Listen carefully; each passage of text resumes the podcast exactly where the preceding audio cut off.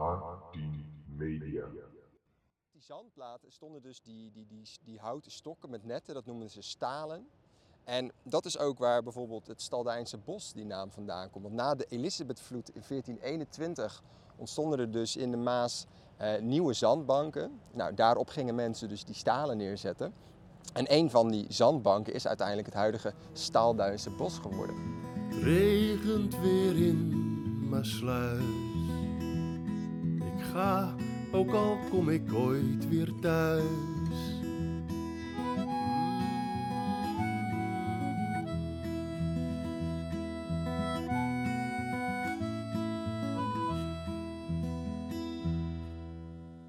Hallo allemaal en welkom bij de Masluizen podcast. In deze podcast ga ik samen met mijn vader op zoek naar al het bijzonders in en uit Masluis. Allebei zijn wij geboren en getogen in Masluis en hebben dan ook veel interesse in deze mooie stad. In deze tweede aflevering gaan wij het hebben over de rol die de visserij heeft gespeeld in de geschiedenis van Masluis. Want de visserij is er nagenoeg niet meer, maar de kenmerken hiervan zijn nog op veel plekken te vinden in Masluis. En dat is dan ook waar wij naar op zoek gaan. Oké, nou ja, de, de, de visserij in Maasluis. Misschien is het net zoals bij de eerste aflevering handig dat we even vertellen waar, waar zijn wij nu precies. We zitten nu eh, aan het scheur. We hebben eh, links van ons 200, 300 meter zit het douanehuisje. Letters Maasluis. En er staat daar nog een eh, visserijbeeld tussen of van de slachtoffers eh, eh, kunstwerk. Dus wij zitten hier lekker aan het water. Ja, ongeveer. En nou, jij zei net het scheur, maar voor heel veel mensen is het scheur misschien niet zo bekend. De Nieuwe Waterweg is misschien iets bekender. Ja, Nieuwe Waterweg zal de meeste mensen bekend in de Ja. oor klinken. Maar goed, het is eh laatstelijk over gehad. Dat is eh, het scheur heet dit oorspronkelijk. En het is nog steeds het scheur. De Nieuwe Waterweg begint voor de ingewijden. Rechts van ons zit de waterkering. Kilometertje of, Kilometer eh, of eh, twee, drie. En daar is het nieuwe kanaal gegraven. En dat is de Nieuwe Waterweg. En dit is het scheur. Het scheur.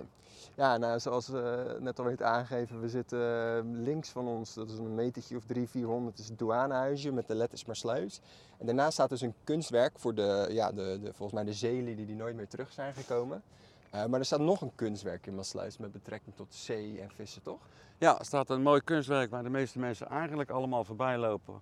Niet vanwege de locatie waar het staat, maar aan de havenkom op het Schanseiland staat aan de haven het eh, beeldwerk eh, De Visvangst. Eh, dat zit bij drie stoeltjes. Als je daarop gaat zitten, kijk je naar de Furikade. Mooie locatie, het beeld staat op een mooie plaats, maar niet al te bekend. Voorheen tot 1978 heeft het aan de hoek van de Zuiddijk en de haven gestaan, maar door de nieuwbouw van de put en dergelijke moest het verdwijnen en is het op de nieuwe locatie terechtgekomen. En dat is op de hoek, eh, het bankje op de hoek van de Schanskade en de Hellingkade. Ja. Er staat een Eh, bankje ja. en achter het bankje staat een kunstwerk. Ja. En waar was dat kunstwerk ook alweer voor? Voor de visvangst. En, eh, het, is, het berust eigenlijk, het, het is gemaakt, het berust op de Bijbelse verhaal van de wonderbaarlijke visvangst. Eh, De kunstenaar heeft dat aangegrepen om daar een kunstwerk van te maken. Het is een beetje moeilijk kijken. Het schijnt dat, eh, dat er twee vissers aan een net staan te trekken. Dan moet je heel goed kijken, maar het scha- zou je moeten kunnen zien. Het bijzondere van dit kunstwerk is, en dan stoppen we over kunstwerken, is dat een tweede identiek kunstwerk in Katwijk te vinden is. En dat zie je maar zelden dat de twee kunstwerken hetzelfde zijn. Dat is eh, een bijzonder iets. Ja, nou je zei het al, we kunnen misschien eh, een klein beetje afwijken richting de kunst en dat is prima. Maar waar het uiteindelijk natuurlijk nu om gaat, en dat is de reden waarom we ook wel over die kunstwerken zijn begonnen, is dat we het gaan hebben over de, de rol van de visserij in Maasluis. Nou ja, wij zitten nu natuurlijk niet voor niets aan, de, aan het scheur. Dus aan, het, eh, ja, aan de oude Maasmonding. Want daar werd eigenlijk al heel lang geleden gevist. In onze eerste aflevering hebben wij het gehad over het ontstaan van Maasluis, 1334. Dus de sluizen in de Vlieten. En, ja, en daar vestigden zich toen uiteraard vissers, maar volgens mij werd er daarvoor ook al gevist. Ja, daarvoor werd er, wel, ja, werd er ook wel gewist, maar, gevist, maar dat was heel lokaal hoor. Het is eigenlijk met name begonnen door die paar mensen die er wonen. Dat zijn dan de sluiswachters geweest. Die verdienen niet zoveel en die zijn begonnen met te vissen om bij te verdienen. En het was eigenlijk wel de hoofdinkomsten van die jongens. Met name zagen zij er wel de mogelijkheid om bij de sluizen zelf de netten in de sluis te zetten. En met spuien van de sluizen liepen die vanzelf vol. Dus daar is eigenlijk de visserij begonnen. Lokaal was men hier ook wel een beetje bezig op de zandplaten om met uh, zalm te vissen, om op zalm te vissen. Maar het is eigenlijk in wezen bij de sluizen begonnen. En langzaam maar zeker is dat gegroeid met het groeien van de gemeente van de, ha van de haven van. Ja. En jij noemt inderdaad die zandplaten, want nou ja, de, de, de rivier de Maas, de Maasmonding was hier natuurlijk vroeger en daar lagen zandplaten in. En wat hadden de, de mensen nou op die zandplaten gemaakt? Zogenaamde stalen. En stalen waren uh, houten stokken met netten of houten palen met netten, maakt op zich niet zo heel veel uit. En die vormden een soort fuikennetwerk. Die stonden loodrecht op de stroomrichting, waardoor er in de Maasmonding, zowel bij eb als bij vloed, maakt niet uit hoe het water stroomde, zalm kon worden gevangen. Dus wij hebben, er is ooit, zo rond 1350, 1357, is hier de zalmvisserij begonnen uh, in de Maasmonding. Ja, geeft wel aan dat het water toen een stuk schoner was dan ja, heden ten dagen. Hè? Dat is, uh, anders kom je de zalm niet tegen. En die waren tot ver op de rivierland inwaarts, kon de zalm gevangen worden. Dus het water was heel erg schoon. En we kijken nu wel naar de overkant. We zien hier dan uh, een soort zandbank als zijnde Rozenburg. Maar er was helemaal niets. Hè. We keken hier vandaan helemaal tot aan Den Briel. Uh, alleen maar water met zandplaten erin. En er werd volop gevist toen hier op, uh, op die platen. Ja, op Salm. En zoals je zegt, we kijken nu inderdaad naar, naar Rozenburg. We zien eigenlijk nu precies aan de overkant zijn dat de boeien die af en toe hier en daar worden neergelegd. Maar op die zandplaten stonden dus die, die, die, die houten stokken met netten, dat noemen ze stalen. En dat is ook waar bijvoorbeeld het Staldijnse bos die naam vandaan komt. Want na de Elisabethvloed in 1421 ontstonden er dus in de Maas eh, nieuwe zandbanken. Nou, daarop gingen mensen dus die stalen neerzetten. En een van die zandbanken is uiteindelijk het huidige Staalduinse bos geworden. Ja, als je daar ook doorheen wandelt, het komt vanzelf al die hoge bergen zand tegen. Dat zijn dus duinen geweest, want dat lag vroeger gewoon eigenlijk aan de zee.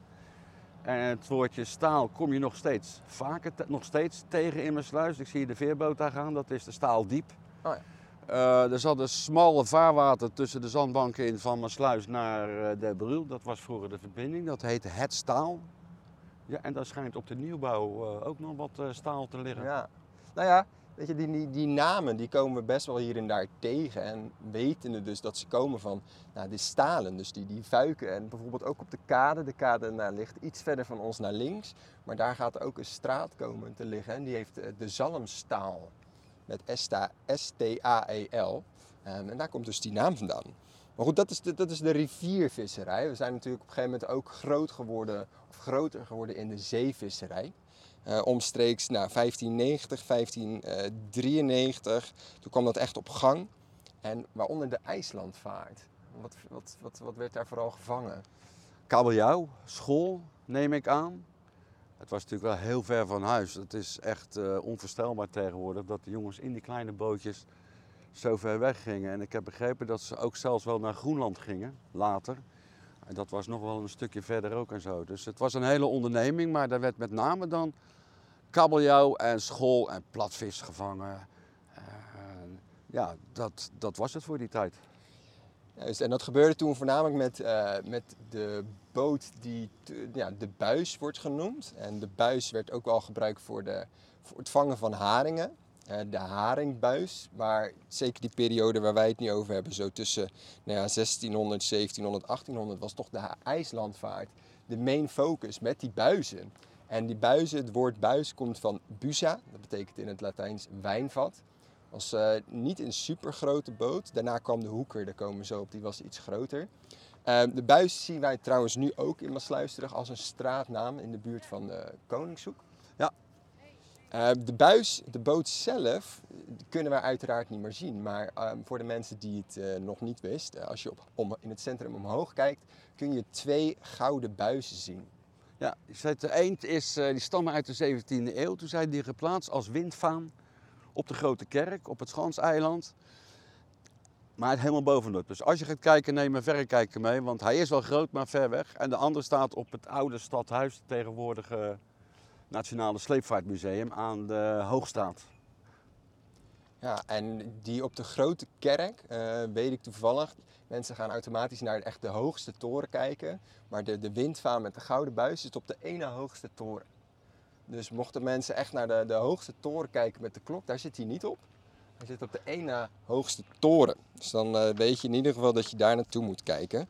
Nou, en dus die, die, die zeevisserij en die IJslandvaart. En er werd ook veel naar de Doggerbank eh, gevaren. En de Doggerbank lag nou, iets ten noordoosten van Engeland, zeg ik dan correct? Eh, ja, op de Noordzee in ieder geval. Een hele grote zandbank, ondiepte eigenlijk. Waar dus die vissen veel allemaal vertoefden om te eten of wat dan ook. Maar het was niet zo diep en men kon er makkelijk vissen in de grote bank.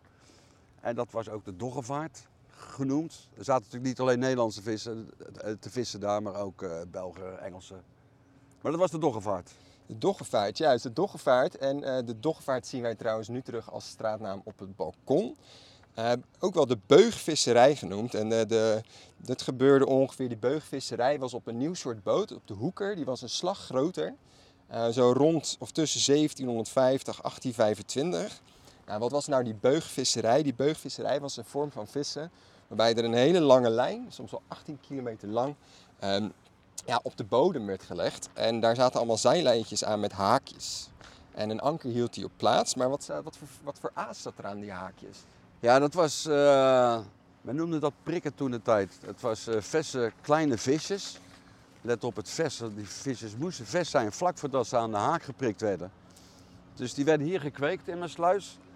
En aan boord in eh zoutwatertonnen bewaard. Elke dag vervest totdat ze op de lichtplaats kwamen waar ze gingen vissen. Maar die werden hier gekweekt in mijn sluis. Dat eigenlijk op de locatie waar nu de aanvoer eh, zit voor de veerboot, waar je allemaal in de rij moet staan. Daar zat vroeger een heel groot waterbassin. En dat stond in verband, eh, in verband met de verbinding met, met de waterweg, het scheur. Waardoor je met hoog en laag water, vers water in dat, water, in dat, in dat, zwem, eh, in dat bassin kreeg. Ja, het zwembad zei ik bijna, maar het zwembad lag ernaast later. En daar zaten die vissen, die werden daar gekweekt. En eh, dat heette ook het prikkengat. Er waren twee prikkengaten toen de tijd. Goed, ze kwamen op de locatie aan om te vissen en toen hadden ze dat eh, aas. En dat moest natuurlijk wel aan de hoek komen. Dan hadden de jongste aan boord, die mocht dan de koppen eraf bijten voordat ze aan de haak gingen. Het was niet zo'n prettig baantje natuurlijk, maar hij werd er rijkelijk door beloond, zullen we maar denken. Maar dat weet ik niet precies hoe dat eh, gegaan is, maar het was een onsmakelijk iets. Maar dat zijn de prikken geweest die ze gebruikten en dat was natuurlijk een hele tour om die te kweken en vast te houden totdat ze op de locatie waren waar ze gingen vissen. Ja, want zeker als je beseft natuurlijk dat die, die beugvisserij met dus die lijn met die, met die haakjes, met die prikken. Ja, dat gebeurde dus bijvoorbeeld nou, ten zuiden van IJsland, eh, op de Doggerbank, Groenland. Dus ja, die prikken die moesten inderdaad levend gehouden worden vlak voor dat. En die prikkerbijter, die jongen van 12, vaak een weesjongen, die had, nou, waar mensen tegenwoordig op jonge leeftijd gaan tomaaien plukken, werd toen de kop van de prik afgebeten. Ehm, nou, en eigenlijk zo rond die periode, zeg maar, tussen, tussen de 1700 1800, lag echt wel de hoog, lagen de hoogtijdagen van die eh, IJslandvaart. De focus lag daar ook voornamelijk op, iets minder op de lokale eh, haringvisserij bijvoorbeeld. Totdat er op een gegeven moment een nieuwe boot kwam en dat was de Logger. En de Logger is ontdekt door een Scheveningse eh, reder volgens mij op een tentoonstelling in Parijs, zo rond 1866. Eh, was wel ietsje kleiner dan de Hoeker, maar die was zeer geschikt voor nou, bijvoorbeeld de haringvisserij. En na die IJslandvaart, dat ongeveer tot 18 1825 heeft geduurd, kwam echt die eh, ja, zeevisserij met die logger op gang. Met eh, zo rond 1866 30 schepen, 30, 40 schepen. Eh, maar daarna kwamen echt de hoogtijdagen. Hoogtij, mooie woordgrap trouwens. En dat was nou ja, rond 1900, 1904. En nou, toen lagen er ongeveer 100 boten in Maasluis. Ja. Ik vraag je natuurlijk af, waar lagen die nou allemaal dan? Ja, zo, dat is inderdaad Ja. waar. Nou, je ziet op de oude foto's, kan je heel goed zien dat de buitenhaven, binnenhaven, soms twee, drie rijen dik lagen ze langs de kant. Je kon er amper tussendoor varen. Dus als die schepen weggingen en ze lagen met de neus naar het midden van, de, van het dorp toe, moesten ze ook naar de havenkom toe om te draaien en weer naar buiten toe. Als je daar zit en je kijkt naar links, dan zie je de Noordgeer. Dat is eigenlijk het water naar eh, richting Kortenhof aan het eind Ja. en Keizer aan het eind. Lag ook helemaal vol met deze loggers toen. Dus die haven van Maassluis was helemaal afgeladen met loggers. Toen de tijd waren echt de hoogtijdagen. Ja, en nou, rond die hoogtijdagen, dus plus minus 100 schepen, dat betekent ook ongeveer 1200 zeelieden.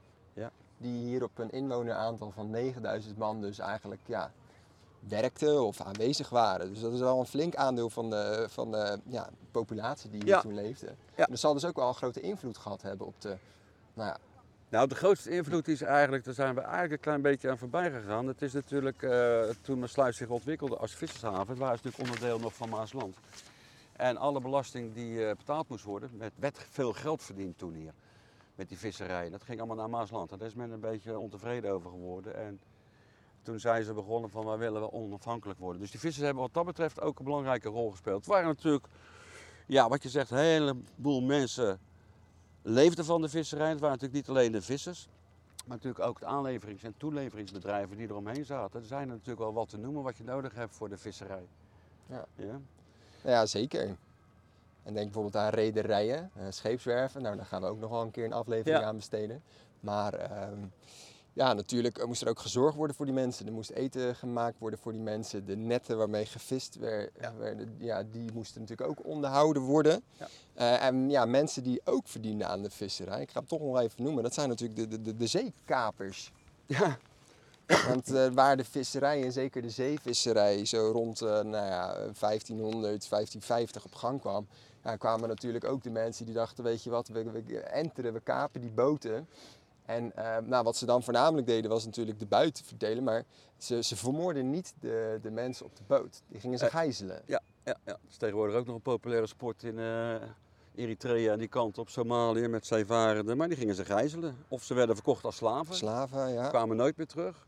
Of je kon ze terugkopen eh, hier in, eh in Maasluis. Nou, dat was natuurlijk een hele onderneming, want het was niet zoveel geld om dat allemaal te betalen. Dus toen hadden we tijd Prins Maurits. Ja. En die heeft toen een stichting opgezet dat meer mensen overal belasting moesten gaan betalen om die mensen terug te krijgen. Dus er was nog wat over te doen geweest. Maar het was eh, een gevaarlijk beroep. Je kon gewoon omslaan met die boot en nooit meer thuiskomen. Maar de kapers waren er ook. Dus het was eh ja. tricky business. Tricky business, ja. En nou, die kapers die vestigden rond die tijd voornamelijk in eh, Duinkerken. Duinkerken komt later nog wel een keer terug in een andere aflevering. Maar ja, wat op een gegeven moment ook mensen hier gingen doen, naast het belasting in om die mensen vrij te kopen, werden op een gegeven moment ook zogenaamde kaapbrieven afgegeven. En kaapbrieven waren eigenlijk brieven waarin stond dat lokale mensen ehm, ja, terug mochten kapen. Ja. Om een soort oog-om-oog beleid misschien wel. En nou, er stond ook in die kaapbrief dat van de buit was 10% voor de belasting. Nou, misschien dan dus om mensen vrij te kopen. Maar ook 35% van de buit moest, ja, werd gebruikt als moest naar de armen toe. Als een soort, eh, ja, de persoon die dan die kaapbrief tekende, dat was dan waarschijnlijk een grote baas, die probeerde daarmee zijn ziel te reinigen. Dus Ja, ja. karma puntjes scoren. En nou, en een van die, van die kaapbrieven in Maasluis is eh, gegeven aan eh, Jan Valk. En Jan Valk woonde op de markt nummer 18. Dat is het oude, ja, dat is te- tegenover het ijssalon Luciano. Oude politiebureau is dat.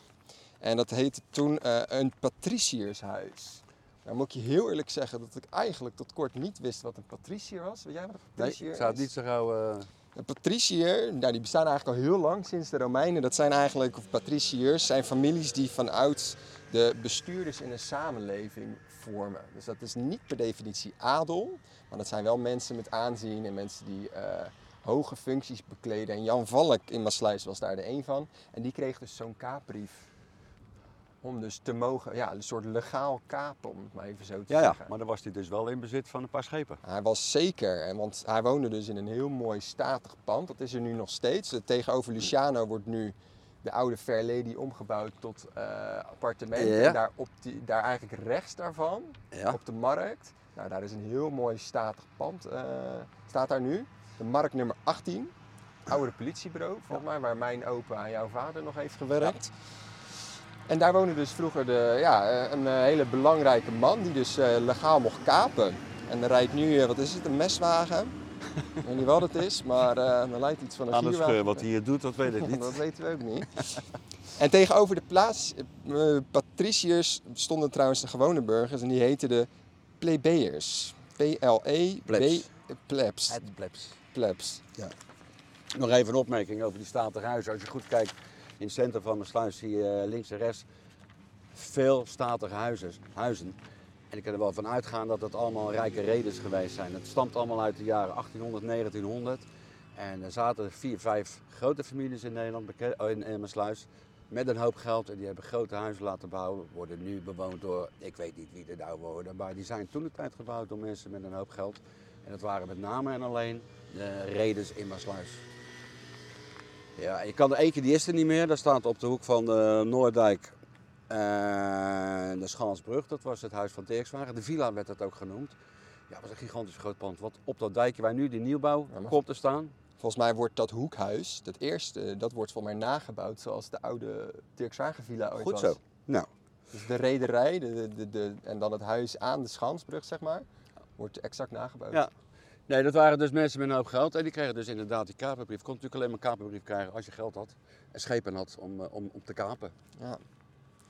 Dirk Zwager, nou, de, de, de, de royale Dirk Zwager, die zit hier ook links van ons. Maar daar komen we ook zeker nog wel een keer op terug. Ehm, dus rond 1900, 1904 lagen er dus nou, plus minus 100 schepen.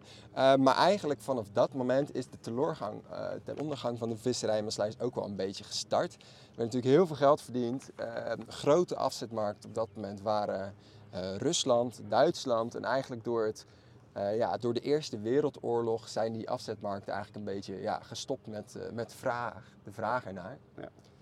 En eh, nou, dus de Eerste Wereldoorlog zorgde eigenlijk al voor een afname aan boten.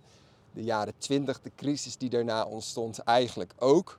Ehm, en op een gegeven moment ja, is toch, zijn eigenlijk nagenoeg al die loggers verdwenen. Bedrijven moesten geliquideerd worden. Kwam ook doordat ja, mensen in Maasluis die die, die visserij deden, te lang hebben nagedacht over de overstap van houten naar stalen boten. Ze waren eigenlijk te laat daarmee, waardoor ze ja, een soort ja, achter de feiten aanliepen. Ja. Toen was het eh, een soort van eigenlijk einde visserij Maasluis. Ja, die staal hield natuurlijk ook in gemotoriseerd. Hè. Dat is, eh, ze gingen van zeilloggen, moesten ze naar een motorlogger toe. Dat was natuurlijk een aardige investering.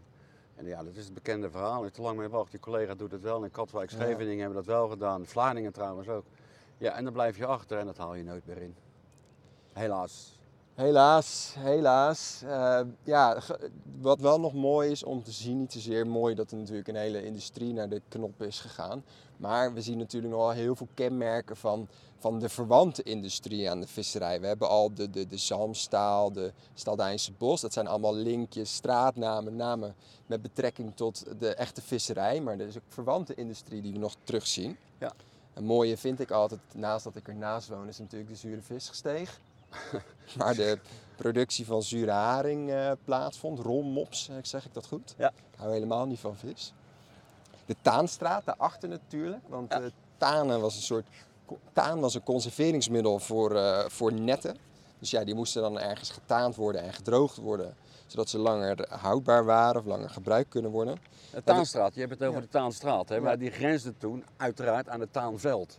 Het Taanveld is eigenlijk gelegen tussen eh, de Zandweg en de Venecoliuslaan. eh, Zandpad en de Venecoliuslaan. Dus een aardig groot gebied. En daar stonden staken dan ook met draden ertussen waar de netten overheen gelegd konden worden om te drogen na het tanen. Maar er liepen ook de vrouwen tussendoor om te repareren. Dus dat was een vrij groot eh, gebied. In de Tweede Wereldoorlog was het exercitieterrein, en, maar dat is een ander verhaal. Ja. Maar dat is een vrij groot gebied, niks meer van terug, behalve de naam dan Hallo, Taanstraat. Dat is het enige wat er van overgebleven is. de Taanstraat, ja. Dan hebben we ook nog de, op de wip het, eh, het huis voor zeelieden. Staat er ook met hele grote letters op. Ja. Dus dat is ook nog wel, ja, er moest natuurlijk voor, als er op een gegeven moment zoveel mensen hier waren, moest er natuurlijk ook een plek voor hen zijn. Nou, en als je het over hebt over de huizen natuurlijk, heb je het ook eh, over de, het weeshuis aan de Noordvliet. Gesticht door Govert van Wijn, een grote reder in Maasluis. En die had zoveel geld. Die heeft een heleboel goede dingen gedaan in Maasluis, waaronder de stichting van het eh, weeshuis. Want natuurlijk door de zeevarenden, bleven een heleboel zeevarenden, kwamen nooit terug. Kinderen bleven arm achter en dergelijke, konden daar opgevangen worden. En die kregen dan verder onderricht, of onder, maar ze hadden in ieder geval onderdak en eh, eten. Nou, dus de, ja, de rol van de visserij in Maasluis is gewoon mega geweest. En misschien nog wel even leuk om te vermelden, we toch weer terug naar het culturele. Want eh, sinds 15 juni is er in het Museum Maasluis ook een tentoonstelling van eh Arie de Groot. En Arie de Groot was een schilder, begreep ik? Nee, hij was, was geen schilder. Maar hij schilderde in zijn vrije tijd. Hij kreeg dan ook opdracht van iemand om, om wat, wat, wat, wat van, eh, van, van, van bootjes te schilderen en zo. En dat is een beetje uit de hand gelopen. Begon hij meer te schilderen, maar hij heeft veel geschilderd. Dusdanig veel dat er nu een tentoonstelling van hem eh, geopend is in het Museum Maasluis. En eh, sinds 15 juni is dat open. Zeker de moeite waard om eens even langs te gaan en een idee te krijgen waar wij het nu eigenlijk over hebben. Wat voor soorten schepen. Want dat wordt aardig uitgebeeld op die eh, schilderijen. Oké.